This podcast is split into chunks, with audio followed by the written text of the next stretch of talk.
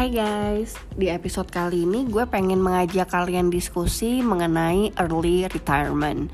Apakah sesungguhnya kalian beneran perlu early retirement atau sebenarnya kalian hanya butuh career shifting? Welcome back to my podcast Curhat 20-an with Mega Agnesti dalam episode Early Retirement or Career Shifting. Beberapa waktu lalu hingga saat ini ada tren yang namanya FIRE. F I R E. Financial Independent Retire Early. Artinya dari campaign ini tuh kita di encourage untuk bekerja seoptimal mungkin, ngumpulin duit sebanyak-banyaknya untuk bisa pensiun dini. Nah, gue nggak akan ngebahas tentang FIRE itu terlebih dahulu karena FIRE ini cakupannya luas banget kita bisa bahas di lain kesempatan karena uh, itu adalah salah satu topik yang menarik banget dan gue suka untuk mengikuti tentang fire ini. Tapi sekarang kita bahas dulu mengenai early retirement itu sendiri. Nah banyak banget nih kayak sejak berapa tahun yang lalu ya I think udah cukup lama lah ya uh, dan gak cuma di generasi gue aja generasi atas kita juga pasti ada beberapa gitu kan yang pengen cepet-cepet pensiun dini Nah, ketika mereka pensiun dini, maunya menikmati hidup gitu kan, uh, dengan tidak lagi bekerja ataupun misalnya melakukan hal-hal yang selama ini pengen mereka lakukan. Nah, terus gue bikinlah polling di Instagram gue Hmm, ketika kalian melakukan pensiun dini, abis itu mau ngapain sih? Itu yang gue tanyakan kan. Kemudian jawabannya menarik banget karena justru teman-teman gue tiba-tiba uh, terjadi diskusi. Sebenarnya abis pensiun itu kita masih bekerja atau udah menikmati hidup aja buat gue ketika kalian memutuskan melakukan pensiun dini setelah itu harusnya memang tidak bekerja. Karena menurut KBBI atau Kamus Besar Bahasa Indonesia pensiun itu adalah ketika kalian sudah tidak lagi menjalankan tugas dan mendapatkan bayaran. Um, I mean mendapatkan bayaran ini kalau untuk orang zaman dulu kan ada pensiunan gitu ya atau pesangon. Di beberapa perusahaan ketika kalian pensiun memang ada uang pesangonnya. Bahkan kalau untuk PNS atau pegawai BUMN zaman dulu uh, mereka bisa mendapatkan gaji bulanan meskipun sudah tidak lagi bekerja. That's the definition of retirement. Seringnya orang-orang di usia-usia gue di usia-usia produktif ketika membicarakan early retirement atau pensiun dini yang ada di kepalanya adalah sebenarnya career shifting. Maksudnya gimana? Maksudnya adalah ketika dia resign dari pekerjaan dia sekarang, dia pengen memulai usaha baru atau mengerjakan pekerjaan yang gak 9 to 5 Misalnya menjadi seorang content creator atau let's say jadi travel blogger gitu ya Nah tentu saja ini menarik dong. Ternyata selama ini yang kalian inginkan tuh bukan pensiun dini guys, tapi karir shifting.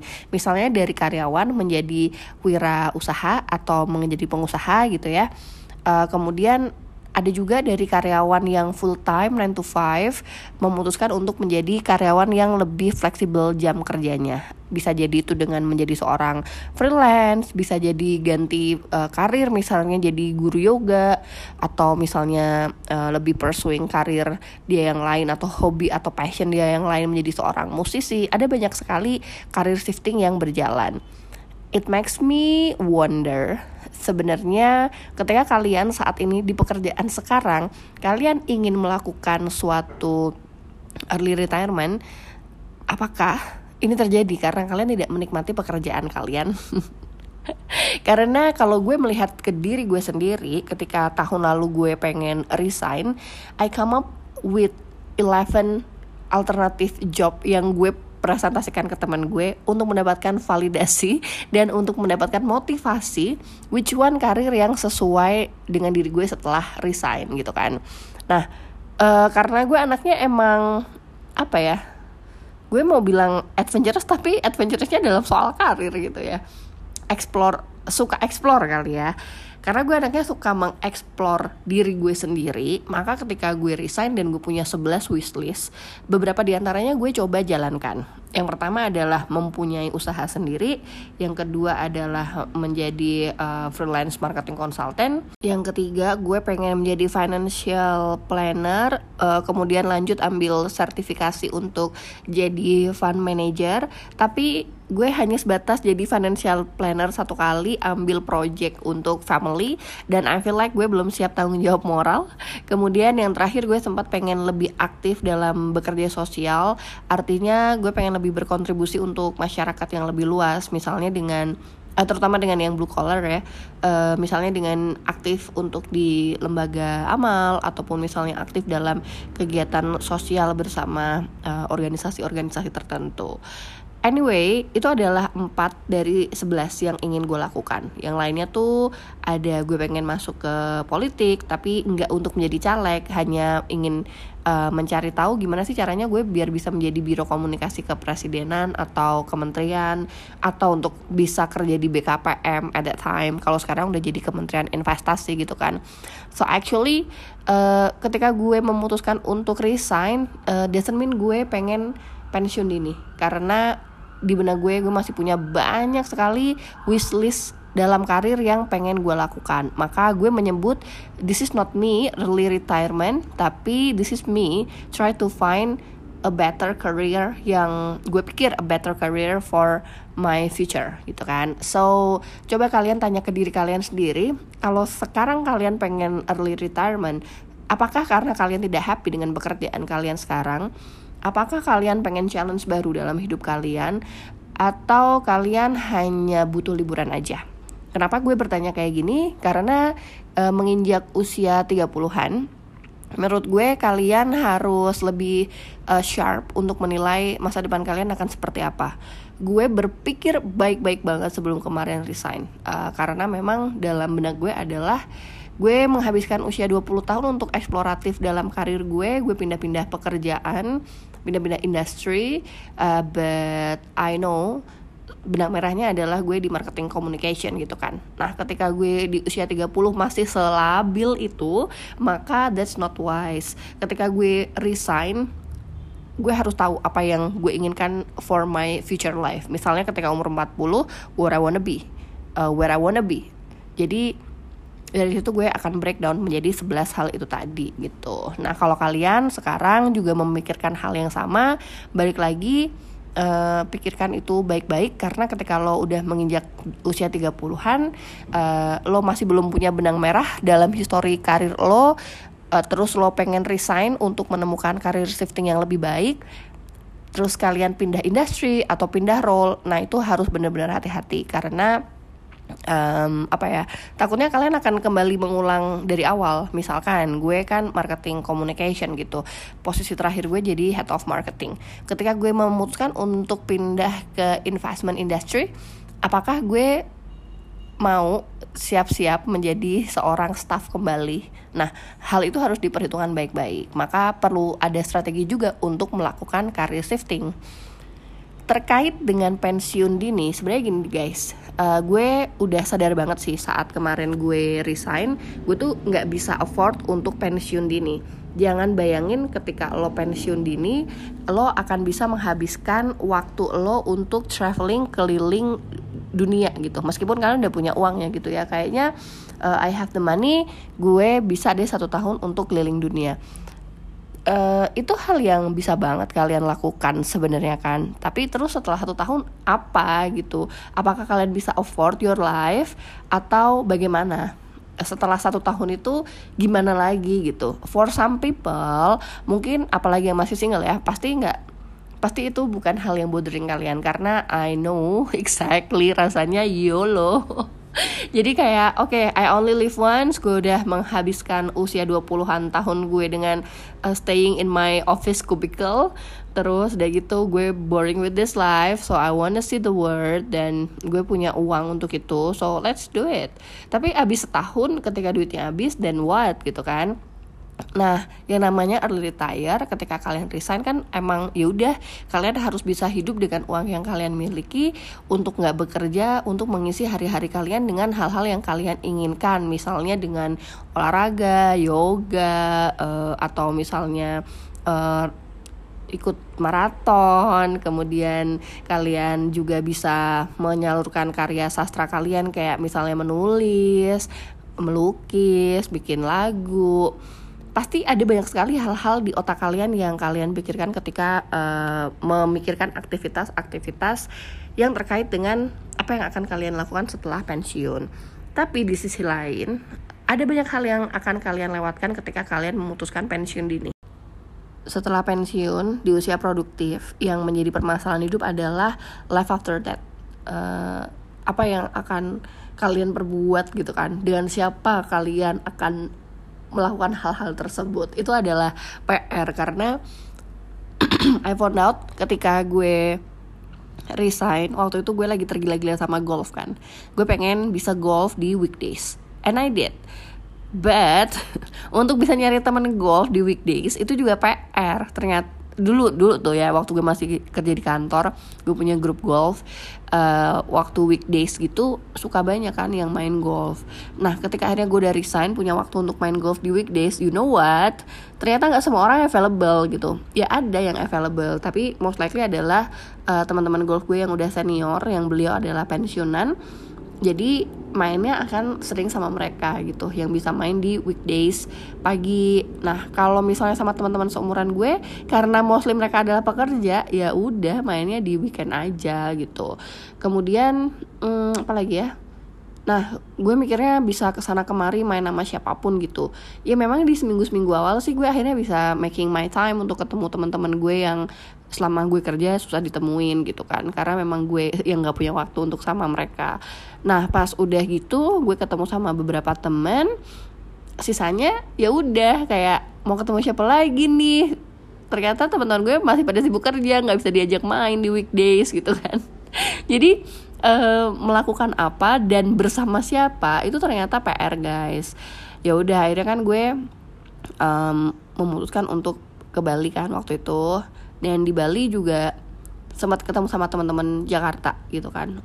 Nah weekend kita emang happy apa ya happy exploring the island gitu. Tapi begitu weekdays mereka kembali bekerja karena uh, basically mereka konsepnya adalah working from Bali. Meanwhile gue do nothing in Bali. Um, beberapa minggu awal tuh terasa menyenangkan sih karena kayak everyday is a holiday. Tapi after a while karena emang gue juga suka bekerja ya uh, nggak nggak melakukan apa apa tuh kadang killing me gitu. Ya walaupun emang saat itu gue juga sedang berlatih untuk doing nothing sebagai terapi gitu kan. Tapi ternyata gue harus punya kesibukan yang untuk melatih otak gue nggak stagnan gini-gini aja gitu. Ya yeah, I do read books I do enjoying my time kayak sepedaan berenang di pantai um, makan ke sana kemari exploring this new location. Tapi ya gitu. Kadang bingung juga mau ngapain lagi anjir kayak gitu loh guys. So yeah I think um, early retirement di usia produktif tuh kadang membingungkan juga karena um, selain duit ya yang kedua adalah aktivitas apa bersama siapa itu yang harus kalian pikirkan juga. Mungkin setahun pertama it's gonna be fun. Uh, dan selanjutnya itu yang mungkin bisa bikin kalian pusing Selain itu, ketika kita membicarakan early retirement, kalian juga harus memiliki dua dana. Yang pertama adalah dana pensiun. Dana pensiun ini adalah dana yang akan kalian gunakan saat kalian tidak memiliki pekerjaan hingga nanti menutup mata. Jadi dana pensiun ini uh, kalian hitung aja kebutuhan kalian, uh, misalnya satu bulan 10 juta gitu kan, sampai dengan masa harapan hidup kalian. Katakanlah harapan hidup kalian ini masih usia 30 gitu ya. Kalian pengennya hidup sampai umur 75 tahun. Jadi um, kalian masih punya harapan angka harapan hidupnya misalkan 45 tahun lagi gitu kan. 45 tahun kali 12 bulan itu kan udah ketemu 540 bulan. 540 bulan itu per bulannya kalian perlu 10 juta maka kebutuhan dana pensiun kalian setidaknya adalah 5,4 miliar. Itu baru dana pensiun untuk kebutuhan hidup sehari-hari. Tentu saja 10 juta for some person nggak cukup. Ada juga yang namanya kedua adalah biaya-biaya variabel. Nah, biaya-biaya variabel ini uh, harusnya bisa kalian dapat melalui passive income. Passive income itu bisa kalian dapat dari saham yang memberikan dividen, obligasi yang memberikan bunga, atau misalnya usaha pasif yang kayak kos-kosan gitu kan, atau kalian emang punya usaha yang nggak kalian jalanin sendiri. Jadi dua dana ini yang harus kalian siapin sebelum kalian early retirement. Maka balik lagi nih kalian pikirin nih baik-baik apakah kalian yang saat ini pengen pensiun dini kalian beneran udah siap dengan pensiun dini karena dua hal tadi harus kalian siapin dari sekarang. Kalau misal kalian hanya pengen karir shifting itu akan apa ya menurut gue perlu dipikirin juga karena itu lebih make sense untuk usia-usia produktif. Career shifting itu pilihannya berarti dua tadi ya. Kalian pengen menjadi pengusaha atau kalian pengen melakukan hal lain yang kalian suka. Seperti misalnya kalian bekerja pindah industri atau kalian bekerja dari beneran anak kantoran pengen menjadi seorang artis atau uh, guru gitu. Jadi um, banyak hal yang harus kalian pikirkan. Kalau buat gue pribadi, opini gue terhadap uh, FIRE atau Financial Independent Early Retirement yang perlu kalian lakukan adalah um, menilai sanggupkah kalian membiayai diri kalian ketika kalian benar-benar tidak melakukan sebuah pekerjaan kedua sanggupkah mental kalian menjalankan atau menjalani hari sebagai pensiunan uh, which akan membuat kalian tidak apa ya tidak produktif, terus tidak tahu mau perginya sama siapa, mainnya sama siapa. Kalaupun kalian pengen go explore the world, uh, pastiin bahwa abis itu kalian masih punya biaya-biaya duit untuk biaya-biaya selanjutnya gitu kan. Dan um, terakhir, kalau kalian saat ini sebenarnya cuma capek aja, makanya peng dari tadi pengen ngomongin early retirement mulu. Um, sebenarnya kalian hanya perlu istirahat aja kadang guys gitu. Itu adalah pengalaman gue yang gue dapatkan selama satu tahun kemarin sempet break gitu kan. Seperti yang gue bilang tadi kalau di case gue sebenarnya gue udah tahu banget gue belum bisa atau belum mampu untuk pensiun dini. Karena gue sadar gue belum punya dana pensiun gue belum punya cukup pasif income dari paper aset gue uh, gue juga belum punya aset berupa properti untuk nambah nambahin pasif income. Gue pengen punya usaha sehingga gue juga bisa dapat passive income dari situ dan itu belum terwujud gitu kan. Dan yang terakhir uh, especially untuk kita ya semuanya yang masih di usia produktif sebenarnya kerja itu membuat kita happy loh. Dan kita tuh sebenarnya masih suka kerja karena dari kerja itu kita jadi aktif kita juga punya sosialisasi sama teman-teman yang seumuran dengan uh, apa ya kompetensi pemikiran ataupun knowledge yang sama tentang suatu hal gitu. Jadi hal-hal um, inilah yang membuat gue masih pengen bekerja. Cuman memang ada time gue udah tahu banget bahwa gue sebenarnya pengen career shifting bukan pengen early retirement. Nah balik lagi nih rekap dari episode kali ini adalah kalian yang saat ini pengen resign pikirin baik-baik. Sebenarnya kalian itu pengen early retirement atau pengen career shifting. Kalau early retirement kalian siapin dua hal. Yang pertama adalah dana pensiun sebagai dana operasional kalian dari saat sudah tidak punya pekerjaan sampai nanti kalian menutup mata. Dan tentu saja itu including apa ya insurance plan ya. Karena kan kalau kalian uh, sakit atau kenapa-kenapa paling nggak udah ada asuransi gitu BPJS nggak apa-apa, yang penting kalian punya insurance. Kemudian yang kedua adalah kalian punya dana variabel yang bisa mengcover hal-hal tidak terduga dalam hidup ini sampai nanti kalian menutup mata. Dan hal-hal variabel ini di covernya melalui passive income. Sehingga pastiin kalian sudah membangun dan memiliki portfolio yang menarik untuk passive income itu. Baik itu yang paper asset, baik itu properti, maupun kalian punya usaha yang nggak perlu kalian sendiri yang menjalankannya. Nah, kalau kalian cuma pengen karir shifting, pastiin kalian masih pengen jadi karyawan atau pengusaha atau seorang freelancer kalau kalian pengen menjadi pengusaha, pastiin modalnya ada, pastiin kalian juga punya bisnis plan yang baik sehingga bisnis kalian bisa berjalan sesuai dengan apa yang kalian rencanakan. Juga kalian harus tetap punya motivasi untuk benar-benar mengusahakan bisnis tersebut. Banyak teman-teman gue yang resign pengen punya bisnis sendiri, keenakan. Akhirnya mereka um, well, some of them uh, emang punya keluarga yang mampu ya. Jadi masih ada uang jajan gitu dari orang tuanya semuanya. Tapi karena hal itu akhirnya nggak berjalan-jalan tuh bisnis. Maka perlu banget nih gue ngerasain banget untuk membangun bisnis tuh yang paling susah adalah niat awalnya kita gitu. Dan ketika bisnis itu sudah berjalan then it's good for you. Terus kalau kalian pengen menjadi uh, seorang freelance, pastiin kalian juga punya uang untuk mengcover biaya operasional bulanan. Karena yang namanya freelance itu income-nya naik turun. Hari ini bisa banyak bulan depan belum tentu.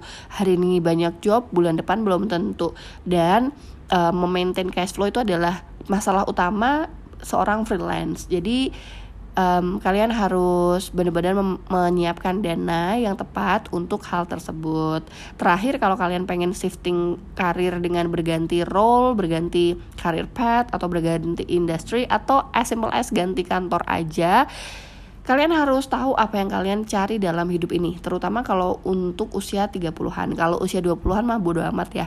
Karena menurut gue lebih fleksibel untuk mencari pekerjaan. Tapi kalau udah 30-an karena uh, ini bukan saatnya kita untuk menjadi orang yang labil dalam karir dalam hidup ini maka pastiin karir yang ingin kalian dapatkan itu adalah sesuatu yang masih related dengan kap kapasiti dan kompetensi kalian. Kalau misalnya itu tidak bisa di work, dibutuhkan eh, tidak bisa dibuktikan dari working history kalian, paling tidak itu bisa dibuktikan dengan hal-hal lain kayak misalnya portfolio atau kalian ambil sertifikasi lain dan um, rencanakan karir kalian dengan baik karena kalau misalnya kalian ganti industri kayak gue um, yang bisa gue sampaikan adalah carilah perusahaan yang benar-benar sesuai dengan apa yang kalian inginkan dalam goals jangka panjang. Misalnya kayak gue ya, kemarin kan gue memang industrinya gonta-ganti nih, mulai dari FMCG, aviation, kemudian gue di fashion, uh, di e-commerce dan di beauty gitu kan. Setelah dan di retail, oke. Okay. dan setelah gue pikir-pikir ketika umur 30 kok impian gue lain lagi nih. Gue pengen uh, pekerjaan yang lebih bisa berkontribusi terhadap um, kesejahteraan orang lebih banyak atau yang berkontribusi terhadap ekonomi Indonesia. Maka gue memilih untuk investment dan untuk memikirkan hal ini, gue kayak butuh waktu ber berbulan-bulan ya untuk ngobrol sana sini sama teman-teman gue, untuk cari tahu karir yang sesuai dengan keinginan gue tuh apa, sampai akhirnya gue menemukan bahwa uh, investment industry itu adalah hal yang gue inginkan dan kebetulan gue juga sudah menyiapkan sertifikasi-sertifikasi terkait hal tersebut, portofolio yang terkait hal tersebut. Namun, karena memang gue tidak mungkin menjadi seorang analis di investment industry, akhirnya ya gue stick to my old role as a marketing gitu. Jadi gue pengen menjadi marketing di industri investasi dan akhirnya kerjalah gue sesuai apa yang gue inginkan. Itu tuh hal yang sulit banget guys kalau gue ganti role uh, sorry kalau gue ganti industri gitu kan. Karena memang uh, apa ya ya banyak lah pasti orang uh, membanding-bandingkan lo bahwa lo tuh nggak punya experience gitu ngurusin uh, industri investasi ini. Lo juga nggak punya experience di fintech misalnya. Dan pasti banyak hal banyak orang akan meragu-ragukan hal tersebut Terus pasti lo akan ditawar soal gaji atau ditawar soal title atau position atau level gitu ya.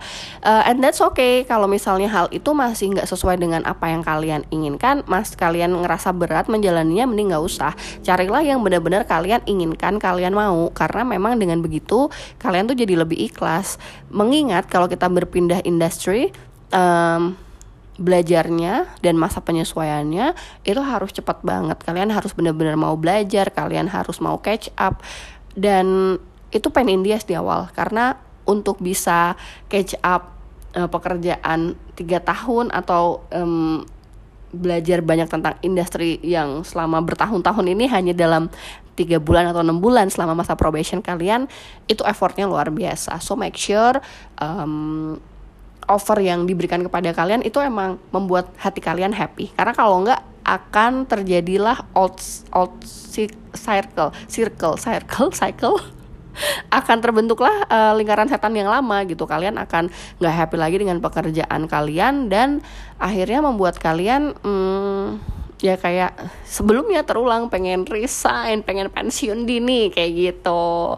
Dan ditambah lagi kalau gue kemarin requirementnya adalah gue maunya WFH jadi ketika ada orang-orang yang menawarkan gue pekerjaan di awal gue udah nanya ini harus di Jakarta atau bisa remote working? Kalau harus ke Jakarta most likely gue akan berat hati dan ternyata benar kerjaan-kerjaan yang nawarin gue harus stay di Jakarta dengan sendirinya itu hmm, kita nggak berjodoh gitu di tengah jalan. Dan kerjaan-kerjaan yang memang remote working itu yang pada akhirnya entah kenapa ya mempertemukan gue uh, dengan dua dua industri eh, sorry dua kak dua perusahaan tersebut di mana di perusahaan pertama masih beauty dan yang perusahaan satu lagi ini adalah fintech yang tempat gue kerja sekarang. So make sure di usia 30-an uh, kalian tahu apa yang kalian mau in a long term karena kalau ngomongin karir agak susah karir shifting di usia 30-an so pikirin benar-benar. Tapi kalau kalian masih di usia 20-an, karir shifting, ganti role, ganti industry it's so simple.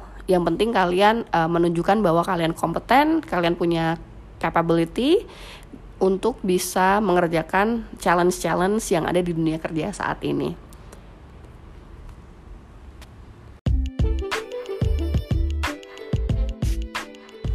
Thank you so much guys for listening to this episode. Mudah-mudahan bisa membantu kalian yang sedang galau. Ingat ya, kalau kalian lagi capek sama kantor, do not give up.